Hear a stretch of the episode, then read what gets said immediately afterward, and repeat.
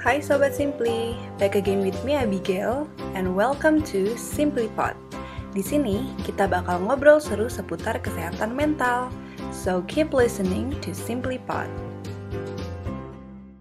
Hai Sobat Simply, bincang santai psikologi hari ini, aku bakal membahas salah satu fenomena yang lagi sering banget nih dibahas sama orang-orang, ada yang jadiin ini buat lucu-lucuan, tapi kalau aku lihat-lihat nih ada juga yang ternyata malah stres karena memikirkan memikirkan hal ini.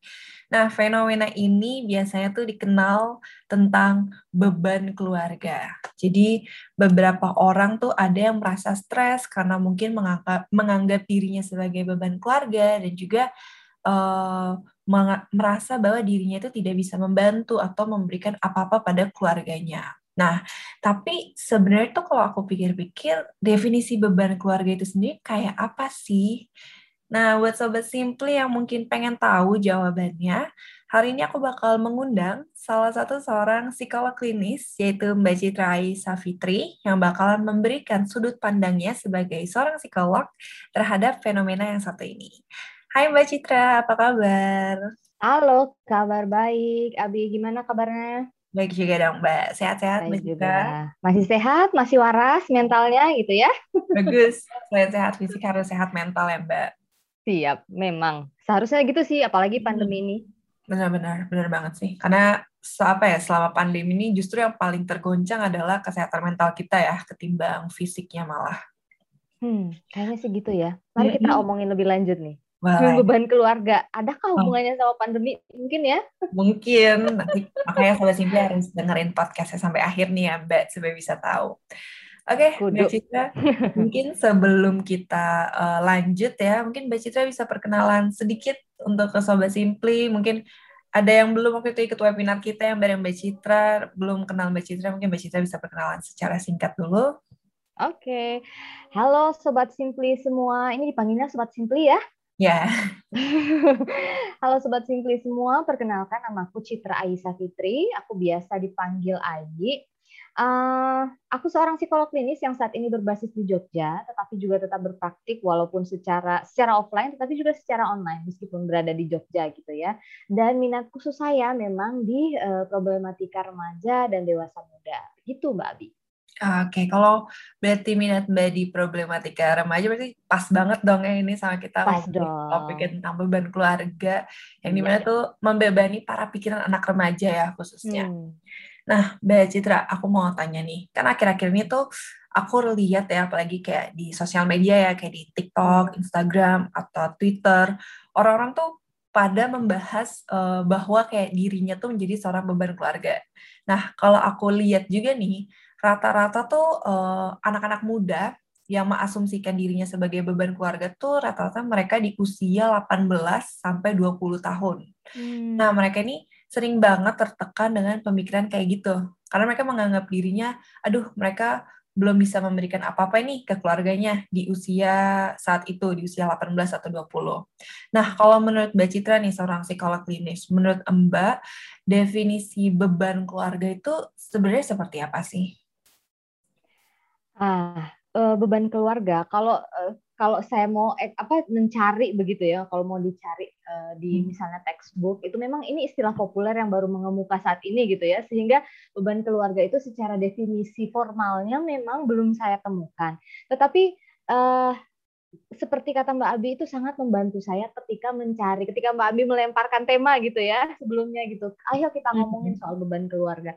Itu kemudian membuat saya tertarik cari di Google gitu ya, cari artikel yang ngomongin tentang beban keluarga meskipun uh, apa tidak punya saya tidak punya akun TikTok gitu ya, bolehlah googling gitu. Tetapi ada muncul uh, apa beberapa artikel yang mengatakan bahwa iya, seperti yang kurang lebih Mbak Abi katakan, usia-usia uh, remaja gitu, kemudian uh, ada yang kemudian menganggap dirinya sebagai beban keluarga. Yang saya pahami dari apa yang saya baca di Google itu ya, di artikel-artikel tersebut yang saya dapatkan, maka pemahaman saya yaitu uh, kalau dari sudut pandang remaja nih, menganggap dia beban keluarga, maka remaja itu merasa dirinya tidak memberi kontribusi apa pun kepada keluarga atau hanya menyusahkan aja, atau hanya merepotkan aja. Jadi kurang lebih sama nih seperti yang dijelaskan Mbak Abi tadi.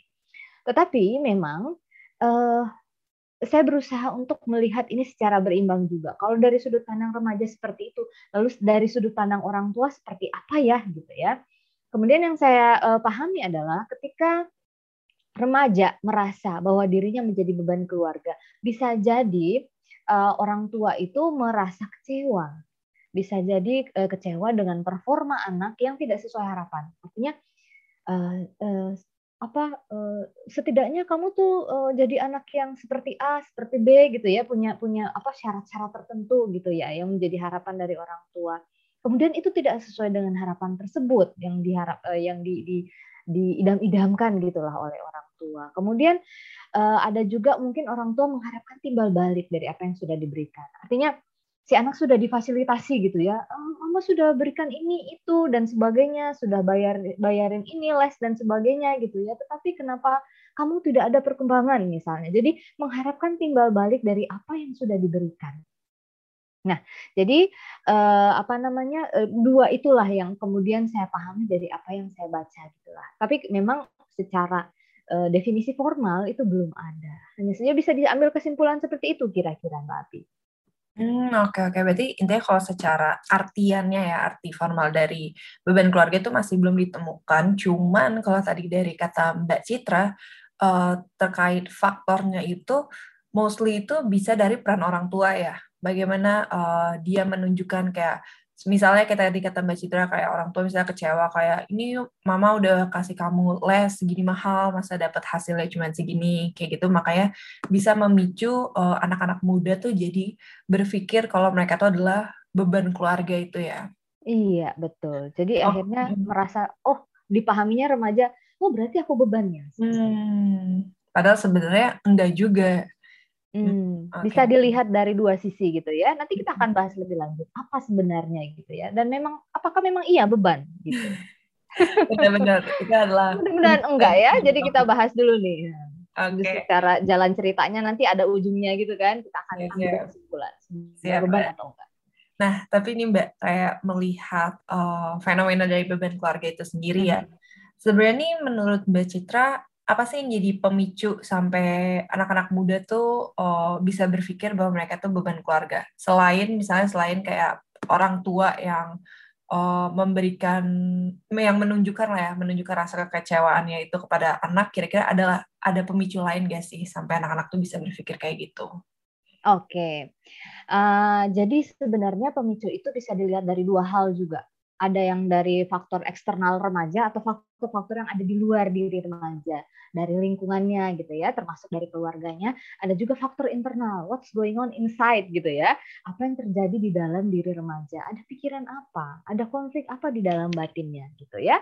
Jadi ada dua hal ini nih faktor-faktor yang dapat memicu munculnya perasaan menjadi beban gitu bahwa aku ini adalah beban. Nah kita bahas dari faktor eksternal remaja deh, keluarganya misalnya, atau specifically mungkin orang tuanya kebanyakan gitu ya. Nah, eh, ada apa sih di faktor eksternal remaja yang bisa memicu? Pertama adalah pola pengasuhan yang otoriter atau permisif. Jadi otoriter itu adalah pola pengasuhan yang uh, orang tua yang menentukan segala-galanya gitu ya. Uh, anak itu harus apa, harus jadi apa, harus melakukan apa. Aturan-aturan semua ditetapkan oleh orang tua.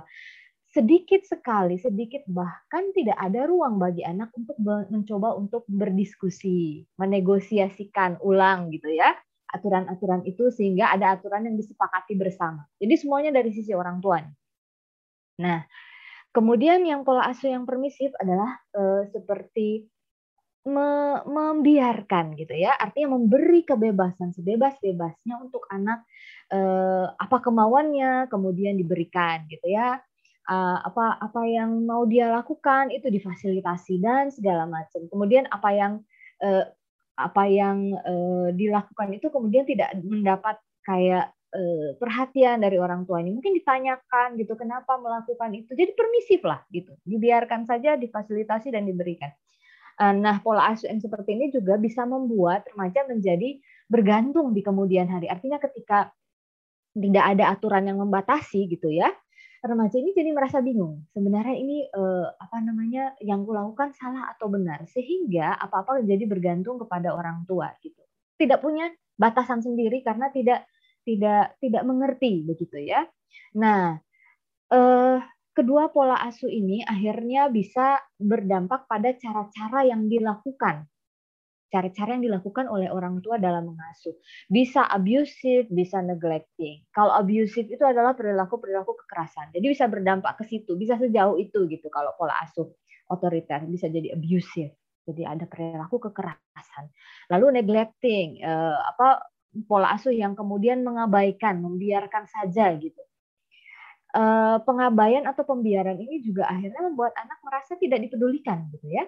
Yang satu kekerasan, yang satu diabaikan.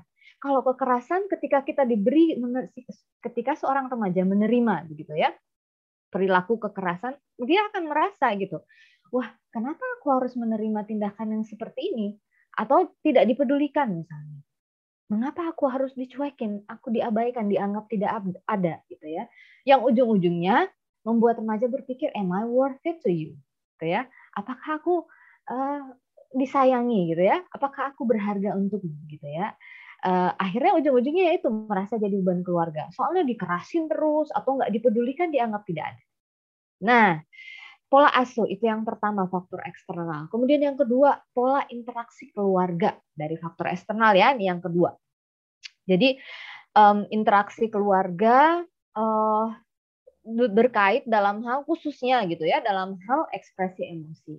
Ekspresi emosi antara satu dengan yang lain di dalam keluarga itu gimana? Nah, ekspresi emosi yang negatif itu misalnya ya atau dimensinya ada tiga gitu ya. Yang pertama kritisisme, dikritik aja, bukan kritik yang membangun loh ya, yang disampaikan dengan negatif. Kamu itu nggak becus, kamu itu udah gede gitu ya. Eh, kok kayak nggak nggak berguna dan sebagainya. Kemudian permusuhan, interaksi emosional yang berisi permusuhan. Jadi di anak itu merasa dibenci atau sebaliknya ada ada perilaku saling membenci gitu antara eh, saling bermusuhan antara anggota satu keluarga yang satu dengan yang lain. Kemudian terlalu terlibat secara emosional. Nah, ini ada kaitannya dengan kritisisme tadi. Kalau terlibat secara emosional artinya dia terlalu banyak disalahkan gitu ya, emosinya sangat intens gitu uh, apa namanya uh, me, me, me, me, yang dirasakan oleh remaja itu. Jadi ada dua untuk faktor eksternal remaja. Pola pengasuhan otoriter atau permisif, cara-cara abusive atau neglecting, kemudian interaksi keluarga. Gimana sih interaksinya? Uh, apa apakah positif atau negatif? Gitu ya. Negatifnya itu ada tiga uh, dimensinya: kritisisme, permusuhan, dan terlalu terlibat secara emosional antara satu dengan yang lain. Sebelum kita masuk ke faktor internal remaja barangkali ada tanggapan nih dari Mbak Abi. Oke, kalau aku uh, dengar ya dari Mbak Citra untuk yang faktor uh, sebelumnya ya, itu tuh berarti mostly tuh peran dari anggota keluarga banget dong ya Mbak, yang membentuk pemikiran tersebut pada remaja itu. Nah, ketika konteksnya beban keluarga, hmm. berarti iya keluarga yang berperan oh, di dalam. Ya, jadi ada faktor eksternalnya bukan hanya karena internal di dalam diri remaja aja antara oh, maksudnya dia ngerasa dirinya gimana iya, tetapi yeah. dia ngerasa dirinya gimana itu juga sedikit banyak tergantung pada apa yang perilaku yang dia terima treatment yang dia hmm. terima iya betul dari okay, anggota keluarga oke okay. kalau untuk yang faktor internalnya tuh mbak itu kira-kira gimana tuh apakah masih ada hubungannya nih sama yang kayak faktor eksternal dari si keluarga atau sebenarnya hmm ini keluarga udah pas banget nih dia juga nggak terlalu otoriter atau juga nggak terlalu uh, permisif dalam merawat anak tapi hmm. gimana sih anak itu bisa uh, tetap berpikir bahwa dia beban keluarga karena kan mungkin ada mungkin kalau misalnya hmm. keluarga yang terlalu baik gitu ya sama anaknya anaknya jadi nggak enakan kayak ngerasa ada aku nggak bisa ngasih apa-apa nih kira-kira gimana tuh mbak? Mm -hmm. Oke, okay. let's say memang keluarga baik gitu ya dari pola asuh kemudian baik dari interaksi keluarga ya baik, semuanya cenderung baik.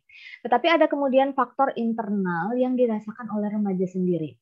Artinya eh, faktor internal ini bukan hanya ber, di, di, disebabkan oleh keluarga saja, tetapi bagaimana interaksi remaja itu di luar di lingkungannya.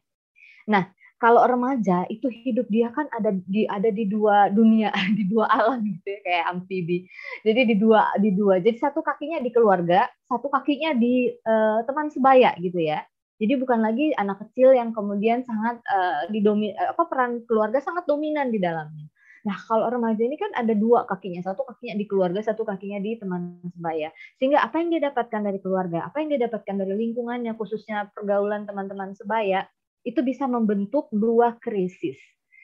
Uh, tidak selalu hadir krisis ini, tetapi uh, bisa jadi terjadi, gitu ya. Tidak harus selalu terjadi, tetapi bisa jadi terjadi. Nah, uh, yang pertama adalah krisis identitas Nah, si remaja ini kemudian mengalami e, kebingungan. Saya ini sebenarnya mau jadi siapa? Mau jadi sosok yang seperti apa? Nah, itu meliputi uh, banyak. Kalau identitas itu bisa meliputi uh, religious views. Jadi keagamaan, keyakinan saya tuh apa?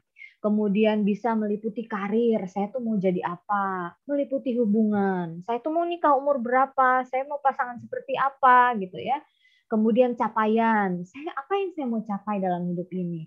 Kultur gitu ya. Uh, kenapa sih uh, dalam dalam dalam apa namanya misalnya kultur saya saya tidak bisa memenuhi ekspektasi misalnya.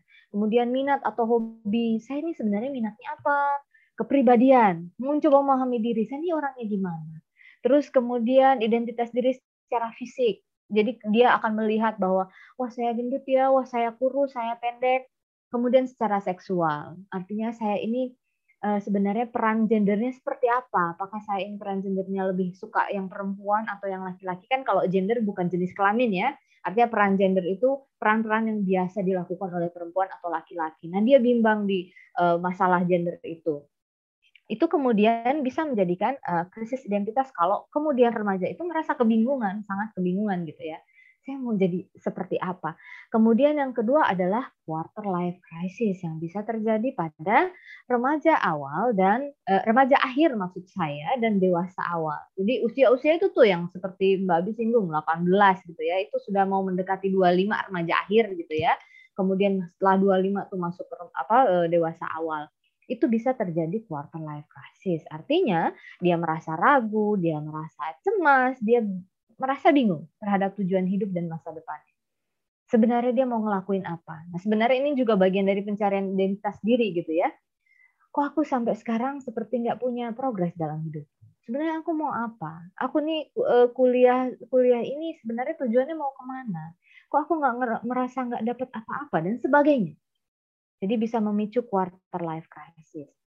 Nah, ini juga bisa menjadi faktor uh, yang bisa memicu remaja tadi seperti Mbak Abi bilang, wah, kok aku sepertinya nggak worthless ya, aku kok sepertinya nggak progres apa pun ya, kok aku sepertinya nggak belum bikin orang tua aku bangga ya.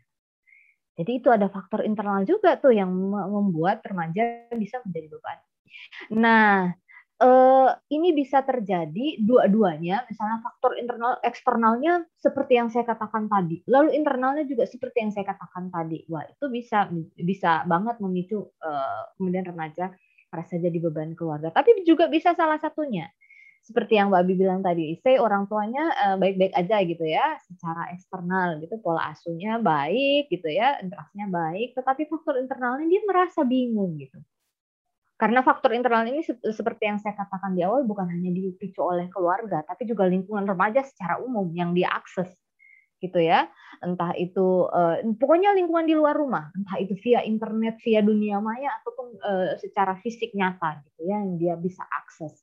Itu juga bisa membuat terbentuknya krisis identitas dan quarter life crisis. Atau misalnya let's say dia nggak punya faktor internal gitu ya.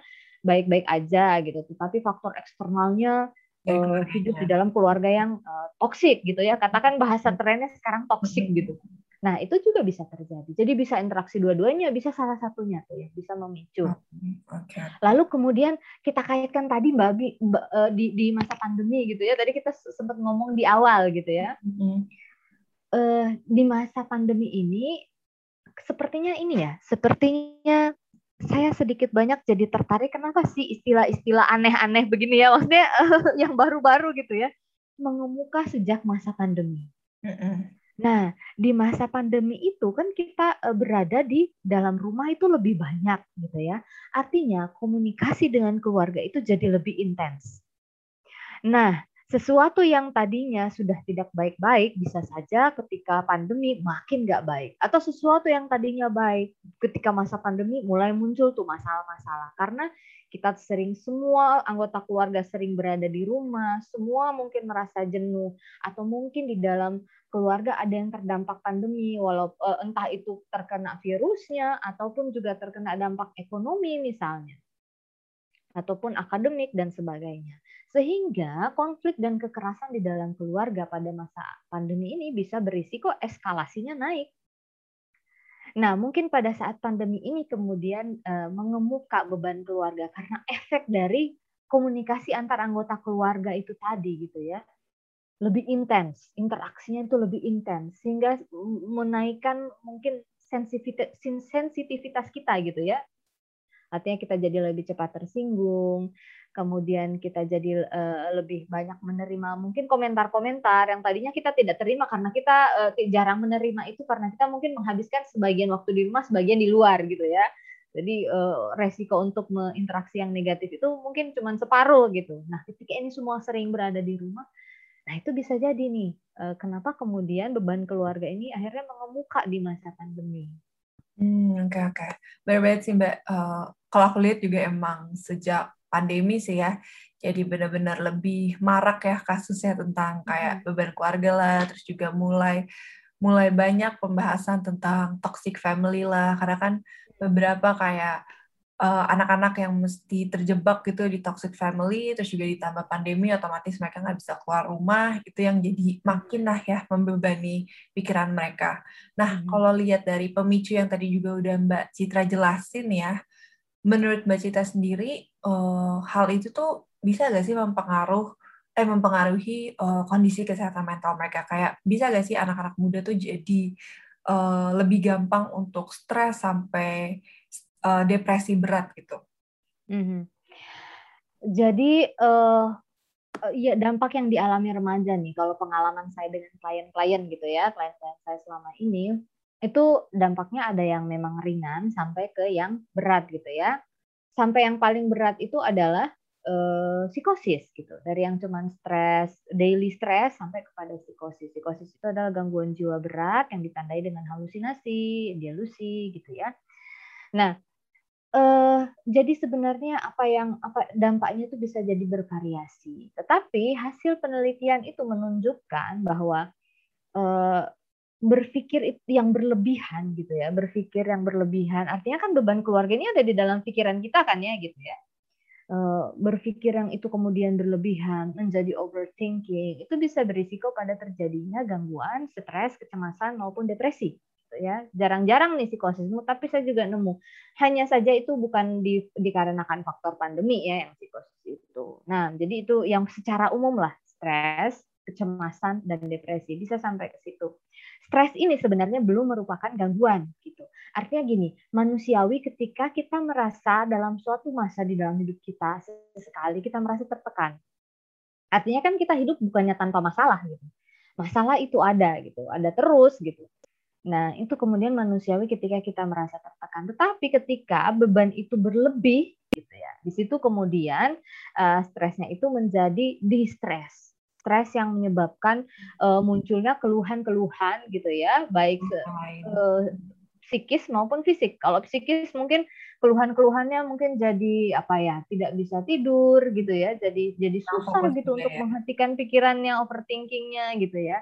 Nah kalau uh, stres ini dibiarkan, nah bisa berkembang antara dua nih kecemasan atau depresi ataupun keduanya kecemasan disertai dengan depresi gitu. Hmm, oke oke. Mm-hmm. Tetapi dengan catatan gitu ya Mbak Abi bahwa tidak semua akan menjadi seperti itu gitu. Okay. Dan dengan catatan tadi stres itu wajar. Hanya yeah, ketika berlebihan gimana nih kita mengurangi stres itu supaya tidak berkembang jadi sebuah gangguan psikis seperti gangguan kecemasan ataupun gangguan depresi. Oke, okay, jadi sebenarnya untuk kayak stres itu sebenarnya itu bakalan dilalui oleh setiap orang ya Mbak. Cuman balik hmm. lagi dilihat dari gimana cara kita mengontrol uh, stres di dalam pikiran kita sendiri ya Mbak. Mengelolanya, betul. Mengelolanya benar. Hmm. Nah, uh, Mbak Citra, menurut Mbak Citra juga nih sebagai seorang psikolog ya, kalau ya. melihat anak-anak yang selalu overthinking ya, uh, selalu overthinking lah ya jatuhnya karena mengenai beban keluarga ini. Kira-kira menurut Mbak Citra ketimbang mereka itu overthinking dengan mm-hmm. pikiran beban keluarga ini sebagai beban lah ya. Mm-hmm. Menurut Mbak Cita kira-kira apa sih solusi yang bisa diberikan kepada mereka? Jadi kayak instead of uh, mikirin sebagai beban aja, mendingan mm-hmm. ngelakuin apa gitu. Oke. Okay. Nah, itu yang kemudian uh, di bahasa psikologi yang Mbak Mbak Abi tanyakan gitu ya, daripada uh, mikirin overthinkingnya, mikirin jadi bebannya, mendingan apa yang dilakukan. Nah, itu di dalam psikologi itu namanya solution focus gitu, bukan problem focus. Sol berfokus pada solusinya. Ya oke, okay, aku ngerasa jadi beban, lalu gimana gitu ya? Jadi uh, lalu gimana itu kemudian solusinya. Kalau problem fokus itu kan berkutat di situ aja. Aduh, aku jadi beban keluarga aduh aku belum bisa membanggakan, membanggakan orang tua, aku nyusahin aja dan sebagainya masih berfokus pada masalahnya gitu. Nah, itu yang kemudian berisiko gitu ya, membuat kita stres berlebih dan sebagainya gitu ya, gangguan-gangguan psikis tadi yang sudah disebutkan. Sehingga yang paling baik adalah memang berfokus pada solusinya. Ya, wajar sih kita nanya kenapa gitu ya, why, artinya kita berusaha memahami permasalahannya gitu ya. Kenapa sih aku jadi beban keluarga? Why? Kenapa sih uh, sikap uh, apa anggota keluarga mungkin ayah ibu gitu ya atau kakak adik gitu ya, seperti ini sama aku? Why gitu? Uh, itu berguna untuk membantu kita menyelesaikan uh, memahami masalah memahami gitu ya. Why? Kenapa sih aku ngerasa kayak gini? Kenapa ya aku nggak mood lemes nggak motivasi nggak pengen lanjut kuliah rasanya gitu? Jadi why itu nggak apa-apa. Tetapi setelah kita memahami apa yang terjadi pada masalah kita, janganlah tenggelam di situ. Stop asking why and then tanya how kepada diri sendiri. Oke, okay, aku udah paham. Aku udah asking why, aku sudah paham masalahnya. Sekarang how? Nah, kalau sudah gitu terus gimana gitu. Nah, ada solusi kalau yang Mbak Abi tanyakan tadi memang mengarahnya lebih uh, lebih ke solusi internal dulu. Jadi saya bahas dulu faktor internalnya gitu ya. Kalau faktor internal remaja mengalami krisis identitas atau mengalami gejala-gejala quarter life crisis lalu melakukan apa nih gitu ya. Nah, kalau untuk krisis identitas kita itu kan ada di era percepatan informasi. Nah, sehingga kita bisa mengeksplorasi tuh berbagai hal yang cocok dengan kita atau menggambarkan diri kita gitu. Jadi ada nih orang kan beda-beda, ada yang suka banget bersosialisasi, aka extrovert gitu ya. Ada juga yang kemudian introvert, artinya bisa bersosialisasi, tapi men lebih menemukan kenyamanan ketika sendirian. Nah, uh, kita bisa mengakses tuh, entah itu lewat dunia maya ataupun lewat dunia nyata gitu ya, mengenai hal-hal yang menarik minat kita gitu ya entah itu persoalan religiusitas, ada loh remaja yang belajar soal agama-agama untuk mengekspor sebenarnya dia uh, apa namanya pengen menganut salah satu agama dengan yakin misalnya. Ada uh, klien saya yang seperti itu. Ada juga yang kemudian mencari mengeksplor mengenai pekerjaan. Aku coba magang di sini, coba. Aku kayaknya tertarik di sini. Aku mau tahu gimana sih pekerjaannya nanti gitu. Resiko-resikonya apa, keuntungannya apa, ada gitu. Jadi itu bisa diakses via dunia maya maupun dunia nyata eksplorasilah, jangan berhenti di kebingungan. Jangan berhenti ketika bingung. Ketika bingung, nah di situ saatnya kita mulai mencari, aku mau jadi orang yang seperti apa? Aku mau identitasku ini seperti apa? Agamaku apa? Kerjaanku apa? Keluargaku seperti apa? Kelak dan sebagainya. Itu adalah eksplorasi yang tiada henti gitu ya, meskipun kita sudah menjadi dewasa awal. Nah, ketika kita merasa bingung, selain jadi gini, di remaja itu salah satu faktor yang penting di dalam hidup remaja itu adalah faktor sosialisasi. Artinya di masa inilah kemudian remaja itu tertarik untuk eh, kemudian kontak dengan orang-orang di luar lingkungan keluarganya. Untuk apa? Ya itu tadi mencari identitas. Wah di luar sana ada apa ya? Saya berteman sama ini, saya ngomong sama ini, saya dapat apa gitu saya dapat insight apa? Oh, ternyata aku bagusnya kayak gini, kayak gitu. Itu kan lahir dari sosialisasi. Bayangin kalau misalnya hingga sosialisasi ini kemudian menjadi kebutuhan remaja. Bayangin kalau misalnya kebutuhan itu tidak terpenuhi gitu ya. Nah, itu bisa berdampak pada loneliness, kesepian, macam itu kebutuhan remaja ya. Kalau misalnya kebutuhan kayak makan, bayangin kalau kita nggak dapat makan, lapar kan gitu. Jadi bayangin kalau kebutuhan berinteraksi ini tidak didapatkan oleh remaja akan sulit kemudian kita uh, mengeksplor identitas kita sehingga terjadi krisis. Jadi ketika bingung, talk to someone, sosialisasi, ngomong deh sama siapa aja gitu ya yang kita percaya ataupun yang kita penasaran mengenai satu informasi tertentu. Krisis identitas seperti itu ya kira-kira solusinya. Kemudian untuk quarter life crisis, kita mau jadi apa di masa depan gitu ya. Aku nggak ada progres gitu ya. Kok gini-gini aja, aku belum merasa mencapai apa-apa. Nah, eh, yang pertama bisa dilakukan adalah kenali potensi diri. Jadi kenali minatmu, kenali bakatmu, wawasanmu, karaktermu, karakter strengthmu, kekuatanmu di mana dari segi karakter, kemudian support system yang kamu punya dan lain-lain. Terus yang kedua, setelah kenal potensi diri, wah kayaknya aku harus punya tujuan yang ini. Secara potensi aku bisa menggapainya gitu ya. Jadi tetapkan tujuan yang konkret, yang benar-benar bisa diraih. Kalau kita nggak mampu jadi presiden, ya udah nggak usah jadi presiden. Mungkin kita cocok jadi yang lain, gitu ya. Kemudian minimalkan distraksi. Artinya ketika kita melakukan sesuatu, apalagi kita melakukan itu terlalu lama gitu ya, kemudian kita gelisah sendiri, tanyakan deh ke diri sendiri, aku ngelakuin ini apakah emang aku butuh? Aku ngelakuin ini apakah memang membantu untuk mencapai tujuanku atau tidak? Gitu ya. Jadi ada tuh yang yang suka eh, apa namanya? kemudian curhat gitu ya. Saya nonton ini saya maraton drakor sampai lama gitu ya. Kemudian nyesel sendiri, wah bayangan terbengkalai. Jadi kalau sesuatu yang kita lakukan itu membuat kita gelisah, saatnya kita nanya ke diri sendiri, ya kita, aku butuh ini apa enggak sih sebenarnya? Gitu. Nah, ketika kita mengatakan tidak, kayaknya nggak butuh. Berarti mungkin harus dibatasi gitu ya, jangan sampai berlebihan karena kita sendiri yang akhirnya merasa worthless. Nggak ngelakuin apa-apa dirasanya itu. Nah, kemudian selanjutnya adalah ketika menemui tantangan, eksplorasi cara-cara yang bisa dilakukan yang belum belum dicoba atau sudah dilakukan tapi efektif gitu ya. Wah kayaknya untuk masalah ini dulu aku pernah deh nemuin. Kayaknya untuk kalau kalau aku lagi nggak mood seperti ini, nggak moodnya sampai lama. Dulu aku pernah ngelakuin ini deh. Aku pernah ngelakuin misalnya yoga, aku bisa uh, olahraga, aku bisa pernah ngelakuin main musik. Kayaknya tuh deh yang bisa. Jadi dicari gitu ya.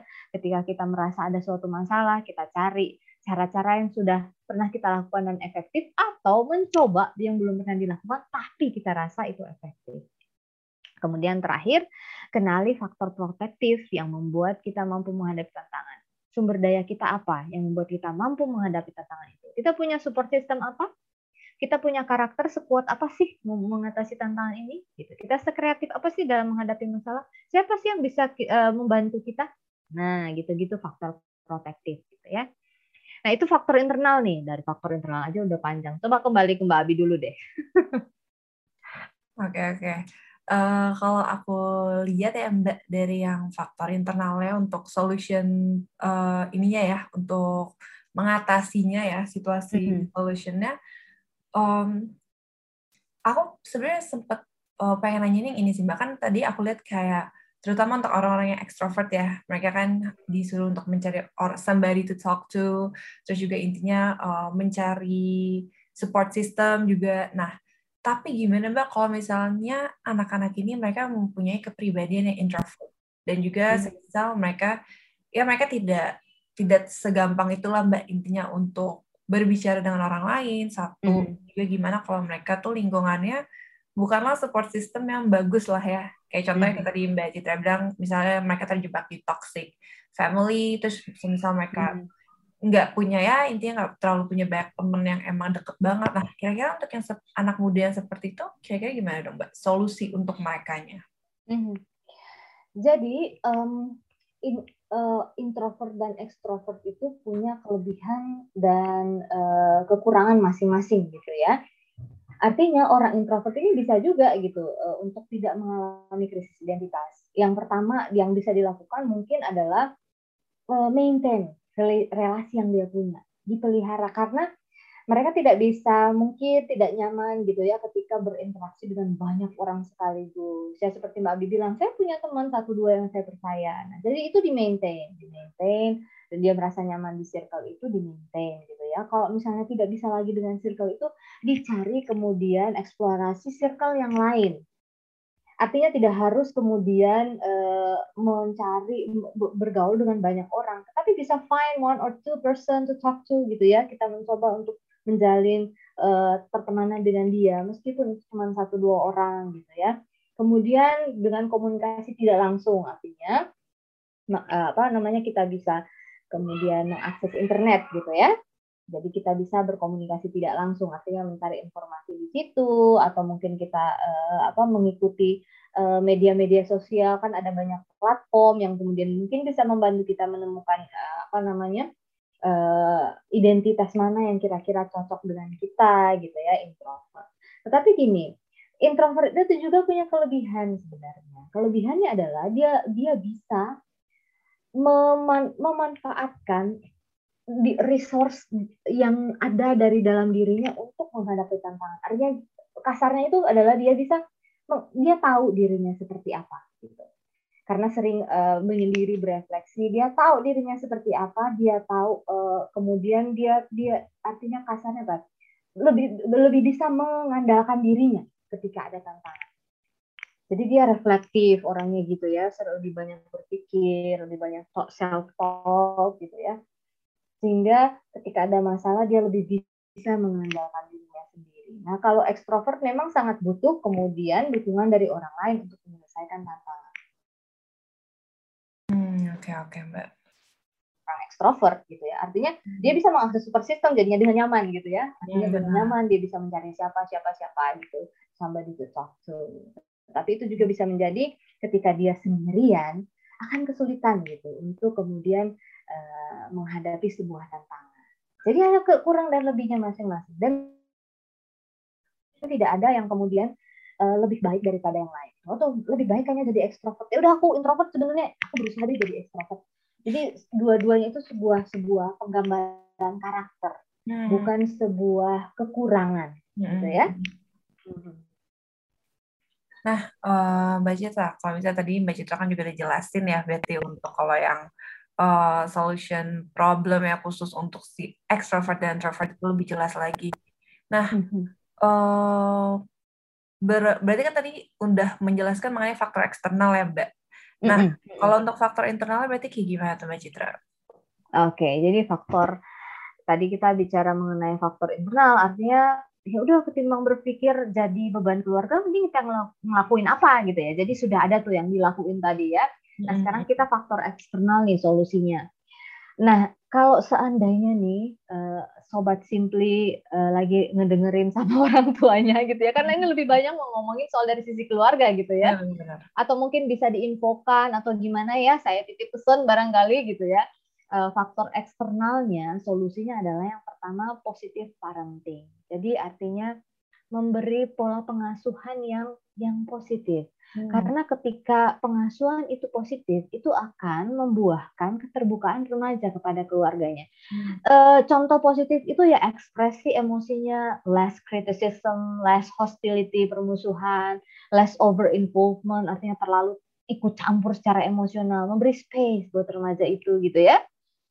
Nah, itu itu bisa menjadi uh, bentuk positif parenting tadi, tolak ukur yang tadi tiga tiga itu ya, tiga artinya interaksi emosinya itu baik, interaksinya secara emosional itu baik, itu akan membuatkan remaja nyaman dengan keluarganya. Keluarganya itu adalah menjadi tempat pulang gitu ya, artinya pulang dalam tanda tanda petik gitu. Kalau anak Indi bilang ya, tempat untuk pulang dalam tanda petik, artinya dia menemukan tempat yang nyaman di situ. Artinya apa?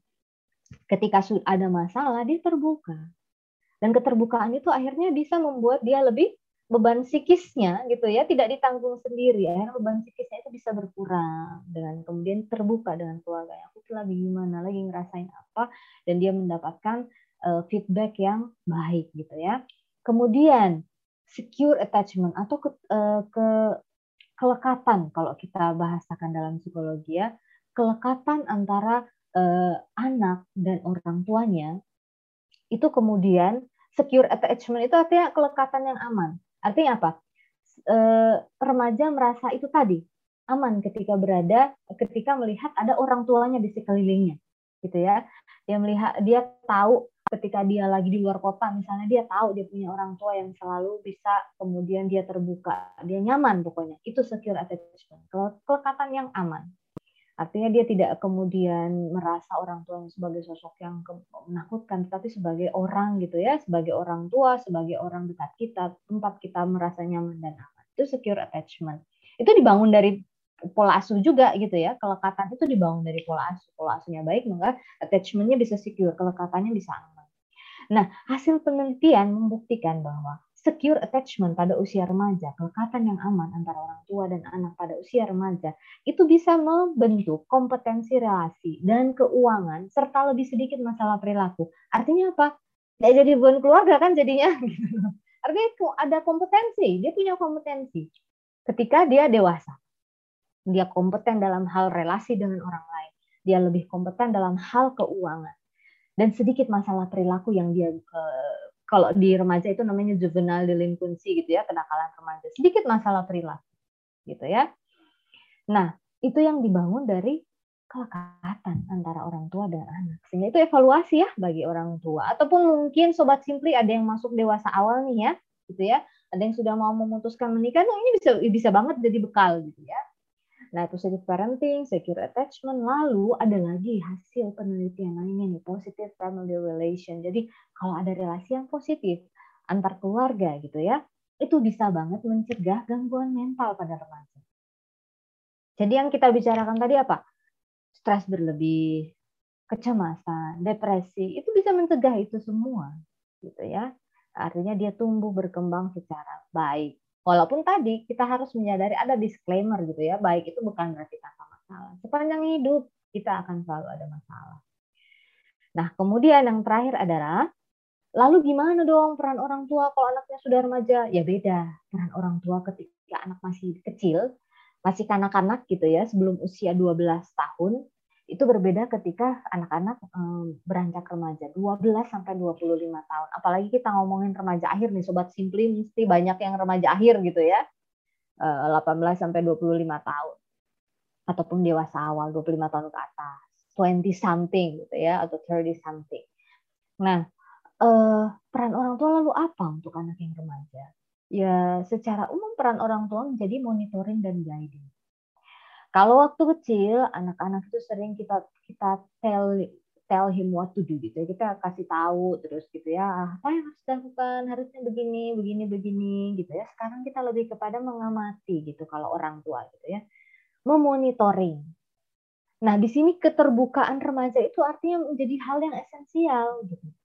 Orang tua tidak bisa lagi mengikuti anaknya ke mana-mana, tidak seperti waktu anak-anak gitu ya, diikutin ke mana anaknya, kita ngikut gitu ya kalau remaja mainnya udah jauh gitu ya. Kalau anak-anak belum terlalu jauh mainnya. Remaja udah mainnya udah jauh. Tidak mungkin orang tua kemudian mengikuti terus ke mana-mana. Sehingga hanya yang kita laku, dilakukan oleh orang tua adalah monitoring, mengawasi. Kenapa keterbukaan remaja penting? Karena kita orang tua jadi tahu anaknya main sama siapa, anaknya kerjanya apa di luar gitu ya. Kemudian pulang jam segini itu ngapain aja, ya ada pengalaman menarik memang. Saya termasuk orang yang waktu remaja itu merasa beruntung sih tapi nggak tahu ini subjektif pengalaman pribadi saya bukan berdasar psikologi gitu ya subjektif. Ini kebahagiaan saya masa lalu. Artinya saya saya anak yang juga pulang malam gitu waktu remaja gitu ya. Artinya gini saya akan pulang tetapi eh, ibu, apa ibu saya itu hanya perlu tahu gitu saya ada acara apa kan dulu uh, uh, apa dulu suka main musik punya band gitu ya punya uh, ngikut festival tampilnya jam 12 malam. Pulangnya di atas jam 12 malam dong. Itu kunci rumah ada di di ini di apa namanya kunci rumah itu sudah dikasih di atas kusen jadi saya bisa masuk sendiri. Tetapi apa? Saya ketika itu diberikan kepercayaan oleh orang tua saya saya benar-benar bilang saya pergi sama siapa? Saya ngapain? Saya benar-benar jujur.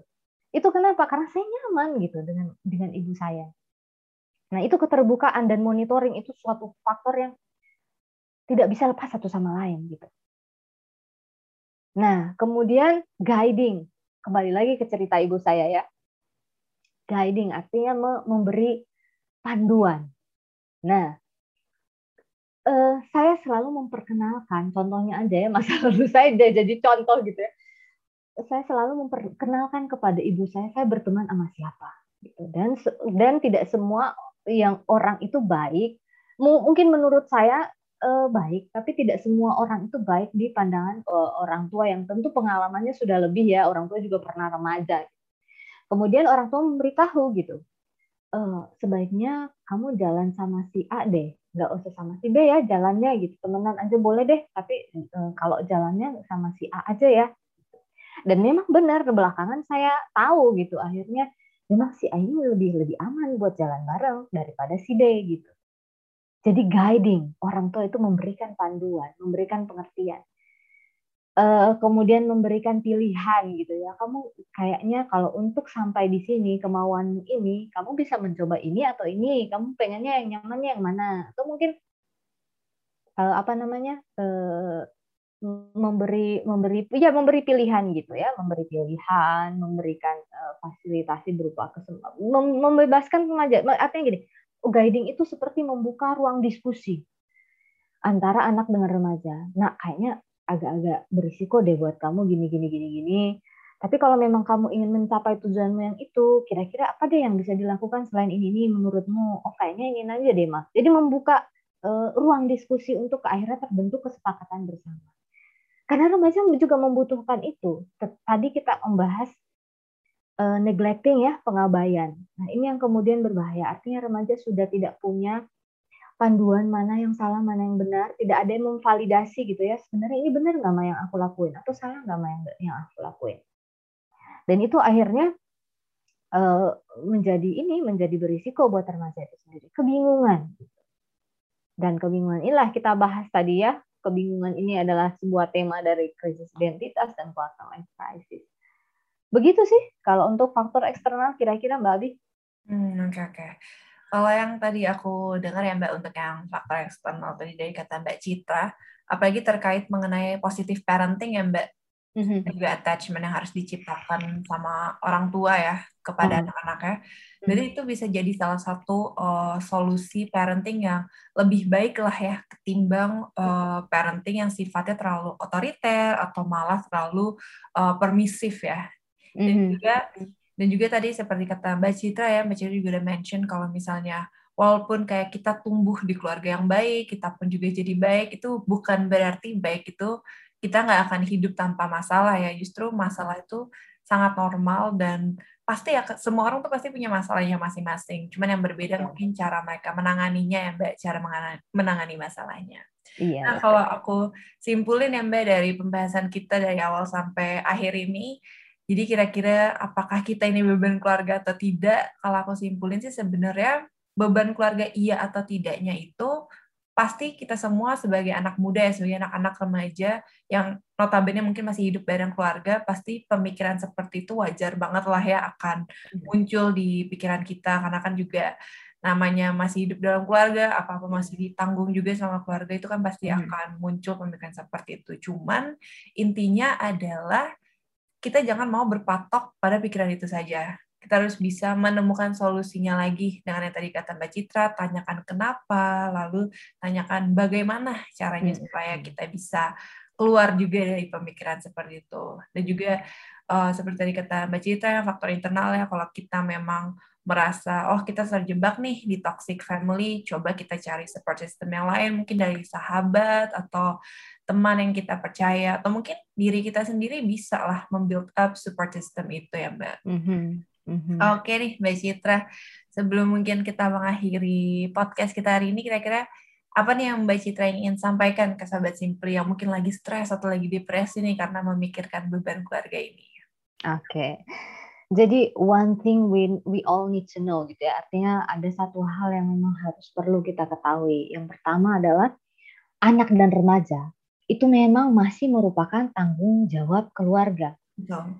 Kalau anak dan remaja itu kan kalau mau, mau apa misalnya ke dokter aja, kemudian ada keputusan apa operasi atau apa gitu ya, itu harus selalu tanda tangan orang tua. Apakah tanda tangan orang tua gitu? Itulah anak dan remaja masih di bawah tanggung jawab keluarga.